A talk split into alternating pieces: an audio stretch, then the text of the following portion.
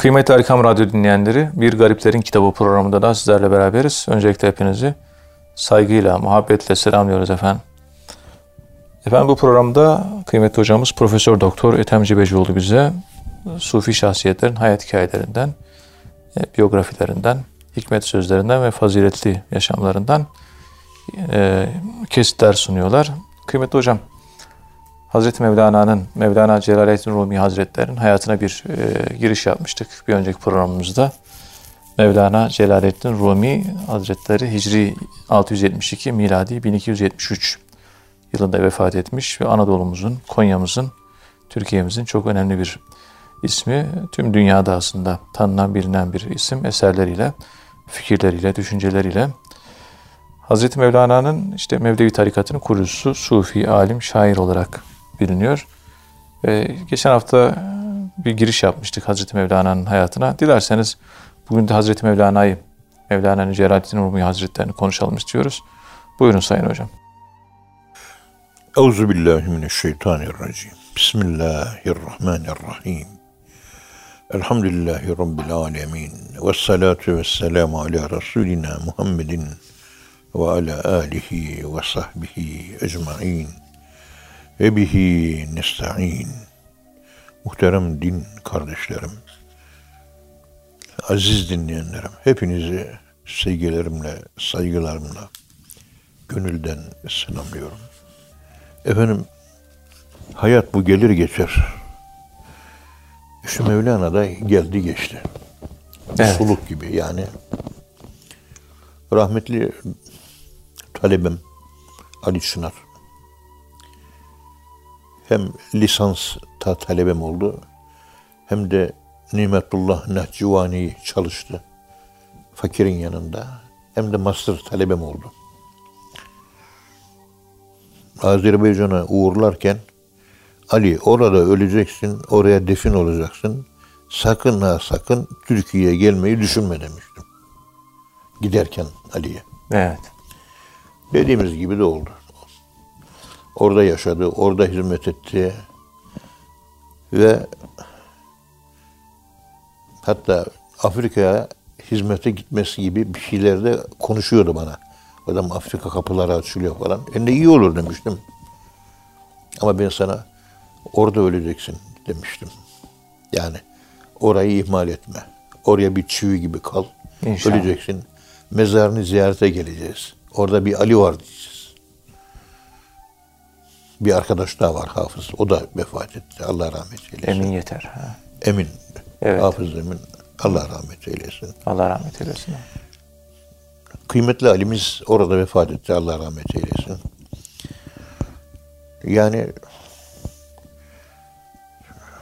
bunu şundan dolayı açıyorum. Mevlana e, ta Belk'te doğmuş, Mevlana'ya defin olmuş. Konya'da. Bir daire, daire Mevlana Konya'da defnedildiği için Mevlana dairesi Konya etrafında dönüyor. Ve ona göre bir maneviyat oluşturuyor. Tabi bu akılla anlatılabilir bir şey değil. Yani Bursa'da da böyle bir demir tüccarı vardı. Bir ticaretle uğraşan. Ee, adını şu an için hatırlayamıyorum. Amerika'dan ithalat yapıyor falan. Nihat, Nihat abi. Allah rahmet eylesin. Nihat abi Sami Efendi Hazretleri'ni çok seviyor. Öylesine ki Sami Efendi Hazretleri Bursa'ya geldiğinde hemen şükür kurbanı kesiyor. Mercedes'iyle atlıyor. Her cuma günü İstanbul'a gidiyor. Evinin kapısının önünde duruyor. Halbuki Musa Efendimiz götürecek. Evet. Sami Efendimiz de çıkıp da şöyle baktığı zaman iki tane araba var. Biri Nihat'ın arabası, biri Musa Efendimiz'in arabası. Tebessüm ediyor. Uzaktan gelmiştir. Nihat kardeşimizin arabasıyla gidelim diyor. Uzaktan geldiği için. Hatta Musa Efendi Hazretleri ya Nihat kardeş arada bir gelmesen de ben taşısam Cuma'ya diyesi gelirmiş. Mübarek. Nihat büyük bir aşkla Sami Efendi'ye bağlıydı. Evet böyle dayanamaz. Ta Bursalardan ki o zaman yol Şimdiki gibi Osman Gazi Köprüsü yok. Yani 15 dakikada geçilen bir köprü, 10 dakikada geçilen bir köprü yok. Körfez dolaşıyorsunuz. Bursa'dan İzmit'e İstanbul'a bir buçuk saate gidiyorlar şimdi. e, dediğiniz gibi 3 saatten, 2 saatten, 3 saatten aşağı gidilmez. O da sürat yapan birisiymiş galiba Nihat Bey. Cuma'ya mutlaka yetişir. Sami Efendi Hazretleri taşır, götürür, getirir. Ondan sonra tekrar gerisin geriye döner. Tabii büyük bir iş adamı. Böyle metal, e, üzerine, demir üzerine herhalde benim hatırımda kaldığına göre. İşte böbrek yetmezliği hastalığı, nefrit türünden bir hastalık. Amerika'ya gidiyor. Amerika'da ölüyor. Allah rahmet eylesin. Allah rahmet eylesin. Amerika'da vefat edince Sami Efendi Hazretleri cenazesini Türkiye'ye getirmeyin. Amerika'ya defnedin. O cenazesinin bulunmuş olduğu çevrede maneviyat oluşur diyor. Manevi bir hava oluşur. Dedi. Yani oraya Allah'ın rahmeti iner, bereketi iner. O mezarın etrafında bulunan aileler, Hristiyanlar, bilmem neler vesaire. Onlar efendim söyleyeyim rüyalarında peygamberimizi görür. Nihat abinin ruhaniyetini görür. Manevi oluşlar, uyarılar alırlar. İslam'a ısınırlar, belki Müslüman olurlar. Hayatta hizmet ettiği gibi öldükten sonra ruhaniyet de hizmet eder. Evet. Ama ailesi ısrar etti diyor Tahsin amca. Dedi ki Sami Efendi Hazretleri getirmeyin. Amerika'da kalsın. Oraya defin olsun. Anlatamadık diyor ailesini diyor. Mecburen özel bir tabut içerisinde uçakla e, Amerika'dan cenazesini getirdik diyor. İşte cenazesini yıkadık. Defin yaptık diyor. 11 buçuk ay sonra yani yaklaşık bir sene sonra mezarını yaptırmak istedi ailesi. Tahsin amca diyor ki ben işte aracı oldum diyor. Cenazesi, tabu, e, mezarını ben yaptırdım. Ailesi parasını verdi. Ben ustasını buldum, işçisini buldum, ilgilendim falan. Mezarı açtık diyor. Açtığımız zaman 11-12 ay önce defnedilmiş cenaze defnettiğimiz günkü gibi aynen duruyordu diyor. Ya kuruma muruma yok diyor. Kurudu falan filan suyu çekildi. Öyle bir şey söz konusu değil diyor. Sapasağlam mezarında duruyordu diyor. Hatta kefeni bile bembeyazdı. Sadece kefeninin ayak ucu tarafında e, böyle 50 kuruşluk büyüklükte sarı bir leke vardı diyor o kadar. Kefeni de çürümemiş diyor. Evet. Ve kendisi de çürümemiş diyor. O zaman anladık ki diyor, yani Amerika'ya defin olsaydı o civara, etrafa maneviyat inerdi. Onun için mesela şöyle bir şey var vahiyciğim. Eyüp Sultan civarında oturan evler, Hüdayi etrafında oturan komşu evler, Hacı Bayram komşulara, Taceddin Sultan, Taceddin Sultan etrafında oturan o mahalleliden Osmanlı vergi almamış, Hacı Bayram'a komşu olan evlerden de vergi almamıştır. Evet. Çünkü o bereket, manevi bereket Hacı Bayram'ın, Taceddin Sultan'ın oraya iniyor. Eyüp Sultan'ın oraya iniyor. O mahallenin gençleri Eyüp Sultan etkisiyle bu epigenetik diyoruz, psikogenetik diyoruz. Bir etki alıyor bilmediğimiz. Kuantum dolanıklılığı. O mahalleden dolayı bir bilemediğimiz etki. Bugün kuantum fizikçiler bunu anlatıyor. Profesör Evet. Michio Kaku. İşte Hüdayi civarından genç falan. Bir de türbe yok, böyle büyük bir zat yok falan. Bir İstanbul'un rastgele bir semti, Ankara'nın rastgele bir semti. Böyle üzerine maneviyat ve manevi hava sinmemiş. Kişilik yapısını etkiliyor. Evet. Bakın Mevlana'nın bulunmuş olduğu Konya'da Konya. bütün Türkiye'de maneviyatın en güçlü olduğu şehir bir Karaman, önce Karaman, ondan sonra Konya'dır. Konya değil. Önce Karaman, ondan sonra Konya. Bugün dindarlığı müsellem en az bozulmuş. Bozulmuş diyorlar ama bana göre Ankara'dan Konya'ya gidiyorum. Konya hala bozulmuş değil. Mevlana'nın bir epigenetik dediğimiz, psikogenetik dediğimiz bir çekim alanı var. Oraları etkiliyor. Evet. Karaman'da da yerin altında peygamber mezarları çok onlar etkiliyor.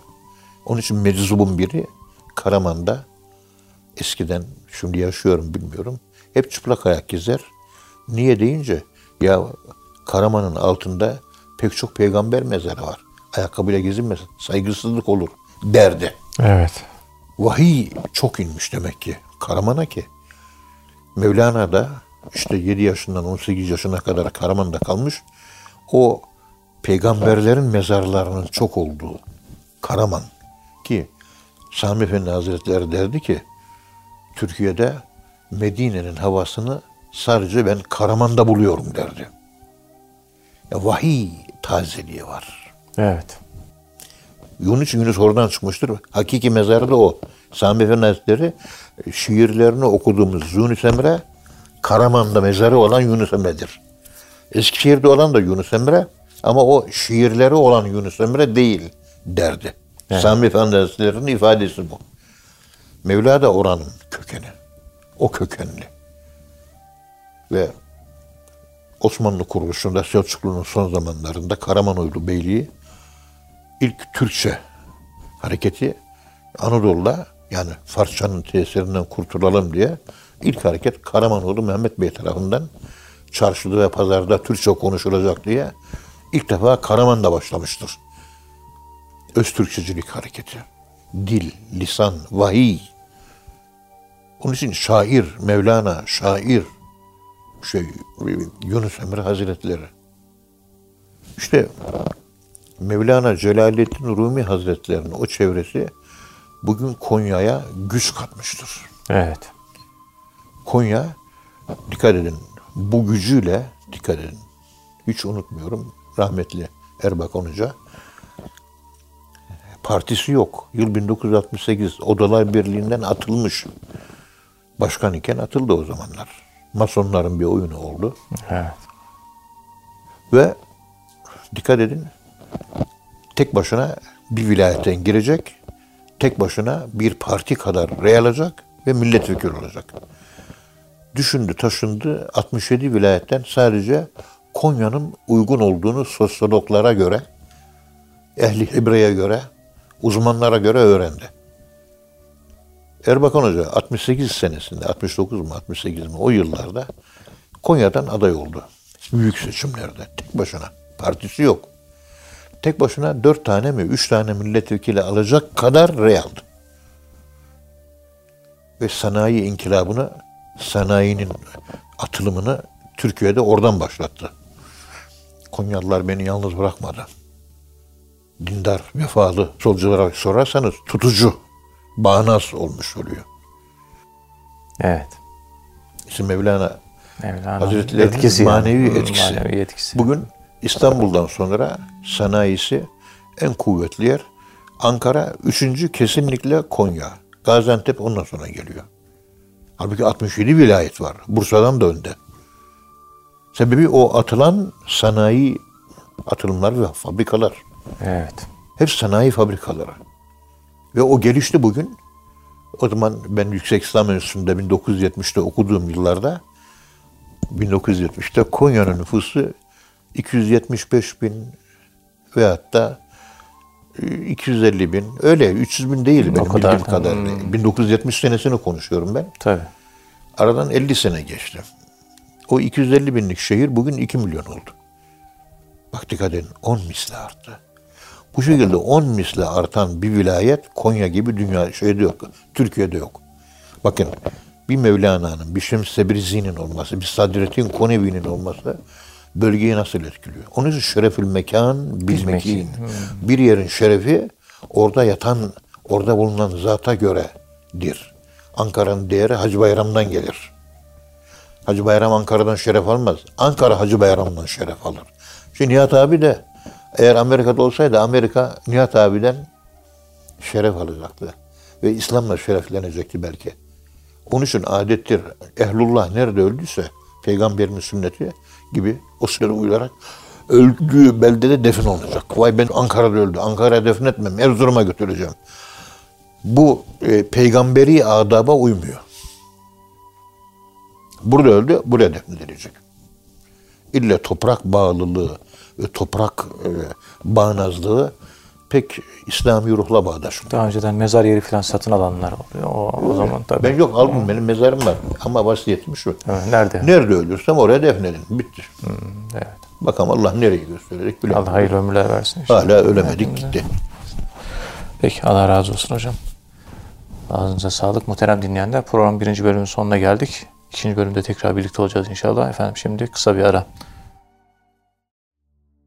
Kıymetli Erkam Radyo dinleyenleri, Gariplerin Kitabı programının ikinci bölümünde tekrar birlikteyiz. Muhterem hocamız Profesör Doktor Ethem Cebecioğlu bize e, Mevlana Celaleddin Rumi Hazretleri'nin hayatından bahsediyorlar. Kıymetli hocam, Mevlana Celaleddin Rumi Hazretleri'nin doğumundan bahsettiniz. İşte Konya'ya gelişi Karaman üzerinden. Dilerseniz kaldığımız yerden devam edebiliriz muhterem hocam. Buyurun sayın hocam. Euzu billahi mineşşeytanirracim. Bismillahirrahmanirrahim. Elhamdülillahi rabbil alamin. Ve salatu ve selamu ala Resulina Muhammedin ve ala alihi ve sahbihi ecma'in ve bihi nesta'in. Muhterem dinleyenlerim hepinizi sevgiyle, saygıyla selamlıyorum. Her gece teheccüd namazlarında aksatmadan muntazaman sizlere, talebelerime, dostlarıma, hayatta olanlara, ölmüşlerimize, büyüklerimize, küçüklerimize, sagirana ve kebirana, evvelina ve ahirina hep dua ediyoruz. Dua etmeye devam ediyoruz. Allah razı olsun. Siz de bize dua edin inşallah. Allah hepinizden razı olsun. Hepiniz güzel insanlarsınız. Allah razı olsun. Mevlana'nın babası Bahattin Veled Belhe sonradan yerleşmiş ulema ailesidir. Sülale hep alim geliyor. Ve kendisine Sultanul Ulema denmiş. Sultanul Ulema denmesinin sebebi şu. Tabi Diyanet, Türk Diyanet Vakfı İslam Ansiklopedisi üniversiteli hocalar tarafından genellikle ağırlıklı olarak yazıldığı için Evet. objektiflik olsun diye böyle kerametler hep dışlanmıştır İslam ansiklopedisinden. Burada da dışlanmıştır. Mesela Mevlana'nın babası e, Bahattin Veled Hazretleri bir gece Peygamberimiz sallallahu aleyhi ve sellem Aleyhisselatü vesselam. Belh şehrinin ulemasına gözüküyor. Ama 10 kişi, 20 kişi, 30 artı ne kadar bilmiyoruz. Epi bir kişi aynı rüyayı görmüş. Bahattin Veled de görmüş. Bu beldede yaşayan alimlerin sultanı sensin diye Peygamberimiz omuzuna bir apoletine yıldız eklemiş. Tüm generalken, pardon kor generalken ulemanın or generali olmuş. Evet. Mevlana'nın babası. İlla askeri bürokrasi değil, ilmiye bürokrasisinde de orgeneraller, paşalar var. Babası bu şekilde peygamberimizden onaylı Sultanul Ulema, alimlerin kralı, Evet. en büyük alim. Bu şehrin en büyük alimi. Ondan sonra o şehrin alimleri hep saygı gösterir olmuşlar. Tabii yokluk sahibi, hiçlik sahibi. Bizim rahmetli Ali Çınar da en son gönderdiği mesaj yokluk üzerine diyor ki Evet. İbrahim bin Ethem'in. Ali Çınar kardeşimiz Allah kainatı yoktan var etti. Kardeş sen de yok ol. Eğer sen de yok olursan Allah senden bir şey meydana getirir diyor. Bu mülke, bu dünyaya sultan olmak için biraz altın lazım, biraz gümüş lazım. Bu dünyaya sultan olmak için altın, gümüş lazım. Gönüllere sultan olmak için de yokluk ve hiçlik lazım. Hiçlik lazım. İbrahim Ethem İbrahim Ethem Hazretleri. Hazretleri sözünü paylaşmış en son. bunu söyledi. Çok da güzel bir söz. Evet. Hakikaten etkilendim. Hatta buradan e, rastgele böyle bir sayfa açtım. Teberrüken. Buyurun hocam. Kemal Sayar çıktı mesela. Hak yolunda bir ömür. Yani şeyin e, Ali Çınar'ın hayatı eserleri, yaptığı çalışmalar, mesajları. Bir eşyaya sahip olmak durumunda kendimizde biz güç hissediyoruz, güçlendiğimizi zannediyoruz. Halbuki aldığımız her eşya bizi kendisine köleleştiriyor. Kemal Sayar. Evet Allah razı olsun. Eşya bizi güçlendirmiyor, kendisine bağlı hale getiriyor. Onun için eşya, eşya, ev eşyaları safra gibi. Rahmetli Hacı Gedikli abi, Allah rahmet eylesin. Allah rahmet eylesin. Bir delikanlı evlenecek. Fakir mi? Hemen bir kamyon geliyor. Evindeki oturma odasında masasıydı, sandalyesiydi, halısıydı, koltuğuydu, sehpasıydı falan. Bunların hepsini evden kaldırttırıyor. Boşalıyor ev. Ev boşalıyor. Doğru şeye götürüyor. Yeni evlenen O yeni çift. evlenene. Yeni bir daha alıyor. Çok geçmeden bir daha alıyor. Bir daha veriyor. Yeni bir daha alıyor falan. Evet. Yani kolayca eşya atılabilmeli. Bizim evlerde o kadar çok eşya var ki belediyeye burada bir çöp evi var gel çöplükten kurtar bizi diyesim geliyor. Yani şu koltukların olmaması lazım. Yer tamamen halı. Ha bir de kütüphane bitti. Bir masa sandalye olabilir o kadar. Her şey fuzuli. Her şey. İki tane tabak. iki tane kaşık. Birisi hanımın, birisi benim. Bitti. O kadar. O kadar fuzuli şeyler var ki koskocaman tır geliyor. Dört oda bir salon sığmıyor. Kamyonu yetmiyor yani. Gün Koskocaman 20 tonluk tır bir evin eşyasını taşıyamıyor. O kadar çok eşya var. 6-7 kişi ancak taşıyor. Ve eşyadan da fakir oldum olası elbise giyinmekten, modadan giyinmekten, böyle kendini ortaya çıkarmak, göstermek, ben buradayım demek, işte eşya, mal, mülk. Hayatımın hiçbir aşamasında bunlardan hiç zevk almadım. Evet. Yani zevk almadığım şeyler bu. İşte Mevlana Hazretleri evi bomboşmuş. Bazen eve geldiğinde hanımı dermiş ki Mevlana Hazretlerine Efendi bugün evde yemek yok dermiş. Mevlana Hazretleri hemen elini kaldırır, tebessüm eder. Ya Rab, bugün benim evim Peygamberimiz Hazreti Muhammed Mustafa sallallahu aleyhi ve sellem Efendimizin evine benzedi. Ne kadar güzel. Ne kadar güzel dermiş. Sevinçten uçarmış yemek bulmadığı zaman. Bizim Anadolu'da en dindar adam bile, en derviş adam bile eve gidip hanımı ya beyefendi, efendi bugün ben yemek pişiremedim. Bu akşam yemek yok. Bu akşam aç yatacağız derse o evde ne olur acaba? Evet. Ya bir yani lafın bittiği yer burası. ne olur acaba? Hemen patürdü kütürdü hemen e, zelzele, sarsıntı, travma, savrulma, dövüş, küsüşme, darılma, laf konuşma, gönül kırmalar başlar anında. Mevlana öyle değil. Ne güzel peygamberimizin evine benzedi diyor. Evet. Akşam aç yatacağım diyor. Peygamberimiz de aç yatmış. Biz ömür boyu yedik içtik. Hiç aç yattığımızı hatırlamıyoruz biz. Yani haftada bir insan, benim şahsi kanaatim bu. Ayda bir defa. Peygamberimizin yaşadığı gibi evimiz olsun. Bir öğün yiyeceğiz. Ve o bir öğünden başka da yemeyeceğiz. Ve sofrada bir çeşit yemek olacak. Tek çeşit. Bir de yanında ekmek olacak, su olacak. Evet. Salata koydun, ekmek bitti o kadar. Dolma olacak, ekmek olacak o kadar. Ya da çorba ve ekmek olacak o kadar. Ha, ayda bir defa.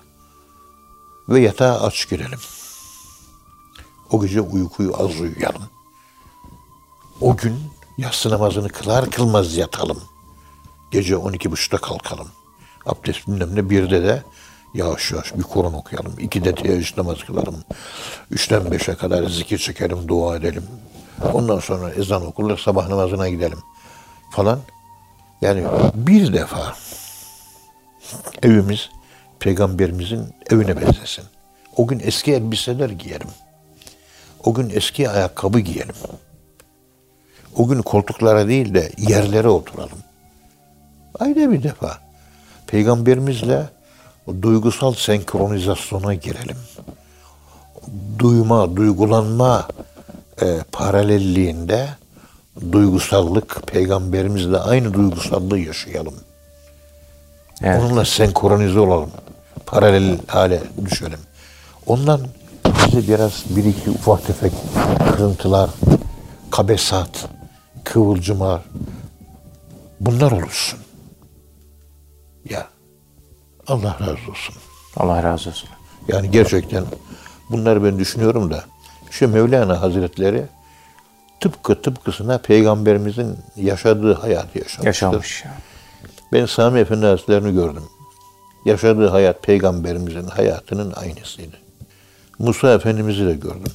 Yaşadığı hayat peygamberimizin yaşadığı hayatın aynıydı. Aynısı. Varlık içinde yokluktu. Osman hocamızı da gördüm. O da varlık içinde yokluk yaşadı. Ve yaşamaya da devam ediyor. Hayatında lüks ve şatafata asla yer olmadı. Geri kalan ömründe de olacağını zannetmiyorum. Ama bizim hayatlarımız önde giden lokomotifin hayatına arkadan gelen vagonlar ayak uyduramıyor maalesef. Yokluğu bilmiyoruz biz. Bir akşamda yemek yemeyelim ailece. Karnımız aç olsun. Buzdolabının başına gitmeyelim. Abur cubur yemeyelim. İki bardak çay bitti o kadar. Yeter. Mevlana Hazretleri yokluk içinde yaşadı. Evet. Halbuki fakir değildi. Saray mensuplarına ders verdiği için, Karatay Medresesi'nde ders verdiği için saraydan gelen o verdiği derslere karşılık aldığı bir para vardı. Fazla fazla yetiyordu kendisine. O hemen etrafında müritlerinden dilenci olanlar var, fakirler var, yoksullar. Hemen onlara dağıtıyordu. Hiç bekletmiyordu. Evet. Hemen dağıtıyordu. Eve gelen, avuca gelen para yemek ve hayatını devam ettirmek değil. Fakirleri kollamak için. Bugün en kral ben sosyalistim. Ben komünistim. Ben toplumcuyum. Fakirlerin ve proleter kesimin savunucusuyum diyen komünistlerde o e, idealist sosyalistlerde bile bu şekilde fakirlerin yaşadığı gibi bir hayat yaşamak kafalarında asla olmadı Türkiye'de. Nefse ağır geliyor. Ama ne kadar müttaki dindar arkadaş varsa çoğunun hayatları mütevazi geçti. Mütevazi yaşadılar. Karınlarını doyurmaktan hazer ettiler, sakındılar. Peygamberimizin sünnetini uyguladılar. Onun için lafta değil, lafla da peynir gemisi yürümez. Evet. Uygulama Bu lazım. ille bir uygulama, ille bir uygulama. Allah razı olsun hocam. Ağzınıza sağlık. Muhterem dinleyenler hocamıza çok teşekkür ediyoruz. Efendim bir programın daha sonuna geldik. Bir sonraki programda buluşuncaya dek hepinizi Allah'a emanet ediyoruz. Hoşçakalın efendim.